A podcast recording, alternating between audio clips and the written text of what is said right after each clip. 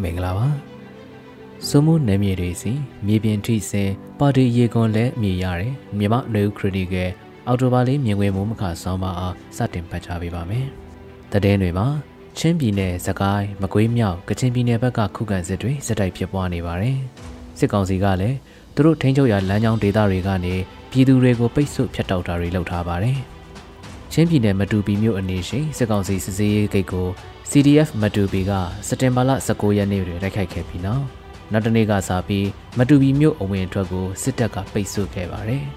။အဝင်အထွက်ကိုအောက်တိုဘာ၄ရက်နေ့အထိပိတ်ထားသောကြောင့်ရွာကနေမြို့ကိုတက်လာသောရွာသားများပိတ်မိသူများရှိသလိုမတူပီမြို့ကိုမြည်သည့်အကြောင်းကြောင့်ပဲဖြစ်ဖြစ်ဝင်ခွင့်ပေးမထားကြောင်းသတင်းများမှဖတ်ရပါတယ်။စိုးမိုးနယ်မြေများအခြေကုပ်ရယူနိုင်မှုတွန်းလှန်နေချိန်မှာ ကျေးလက်အဆင့်မြို့နယ်အဆင့်ပအဖပကဖထူထောင်ဆောင်ရွက်နေတာတွေကိုသတင်းတွေမှာတွေ့နေရပါတယ်။သတင်းတစ်ခုမှာချင်းပြည်နယ်တွန်းဆန်မြို့မြို့နယ်ပြည်သူ့အုပ်ချုပ်ရေးအဖွဲ့မှ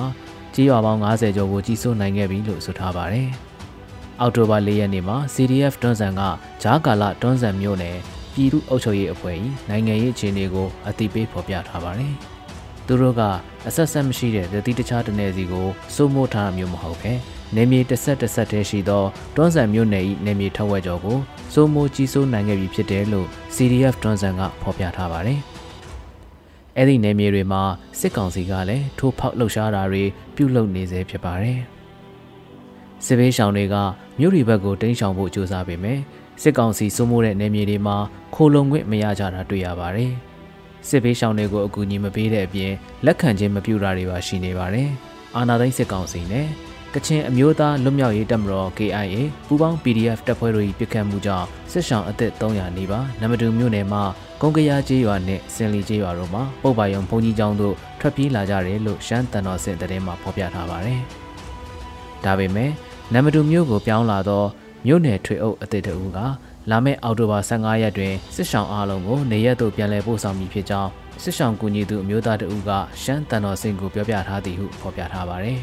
။တရင်တစ်ခုမှာတော့ NUG ရဲ့80အကြိမ်မြောက်စည်းဝေးမှာယာယီသမရဒူဝါလက်ရှိလာကခုခံတော်လှန်စစ်ကိုမြေပြင်မှာလက်တွေ့ဆင်နွှဲနေရတဲ့ ပြည်သူ့ကာကွယ်ရေးတပ်ဖွဲ့တွေပကဖတွေကိုနိုင်နိုင်နင်းနင်းထိတွေ့ဆက်ဆံဖို့လိုတယ်ဆိုတဲ့အကြောင်းနဲ့လိုအပ်တဲ့ထောက်ပံ့တွေကိုလည်းချိန်ခါမလင့်စေပဲတက်နိုင်သမျှစ조사ပြီးစီမံထောက်ပံ့ကြဖို့တိုက်တွန်းလိုက်ပါတယ်။မြေပြင် PDF တွေချင်းချင်းနားလည်မှုတွေမကွဲလွဲအောင်နိုင်ငံရေးအရတိုင်ပင်တိုက်ထားကြဖို့လဲဝင်ကြီးများအားလုံးဝိုင်းဝန်းကြိုးပမ်းနေကြပါတယ်လို့ပြောသွားတာဖတ်ရပါတယ်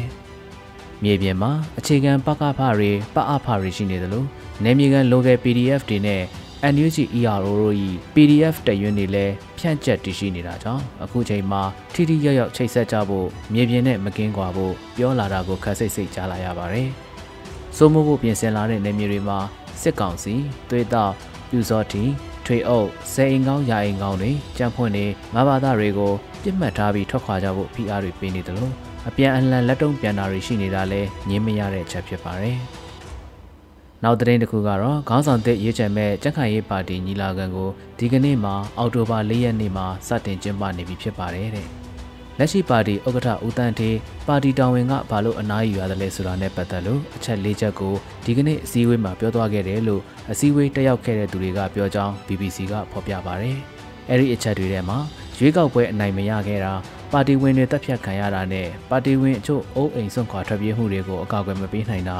ခုနှစ်နှစ်ကြာခါနာဝေဒနာကိုခွဲစိတ်ခဲ့ရပြီးဆီယာဝင်ကအနားယူခိုင်းတာတို့ကိုပြောသွားပြီးသူဟာပါတီနဲ့ပတ်သက်လို့ငွေရေးကြေးရေးနဲ့အာဂရီကိစ္စတွေနဲ့ပတ်သက်လို့အရှုပ်အရှင်းမရှိဘူးလို့ပြောသွားခဲ့တယ်လို့သိရပါတယ်။ယမန်နေ့ကခရိုနီကယ်မှာရေးခဲ့တယ်လို့ကြက်ဖွတ်ပါတီဟာစစ်ကောင်စီရဲ့အာဏာအလှည့်ပြောင်းထွက်ပေါက်အတွက်အသုံးချစရာဖြစ်လိမ့်မယ်လို့တမရဖြစ်ကျင်တဲ့သူမင်းအောင်လှိုင်ကမျှော်လင့်နေသလားတအပ်မသိကြပါ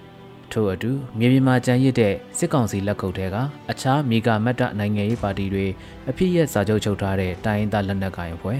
အချို့တွေကိုစစ်ကောင်စီကသူတို့အလိုကျနောက်လိုက်ဖို့ချုပ်ကင်မှုခြေလမ်းပြင်ဆင်ထားတာအခုနှစ်ကုန်ကန်ဒီပိုပြီးစိတ်စိတ်ဖြစ်လာပါတယ်မဘာသာဘုံကြီးတွေနဲ့တာမန်ပြည်သူတွေကိုမှိုင်းတိုက်ဖို့ကလည်းတိတ်မထိရောက်တော့အကြက်မိနေတဲ့စစ်ကောင်စီဟာ တစ်ဖက်ကစစ်မီးကိုမြင့်ရင်တစ်ဖက်ကလည်းလူထုနဲ့နိုင်ငံတကာကိုနီးမျိုးစုံနဲ့လှည့်ပတ်ကစားပြနေတယ်လို့ပါပဲခင်ဗျာ။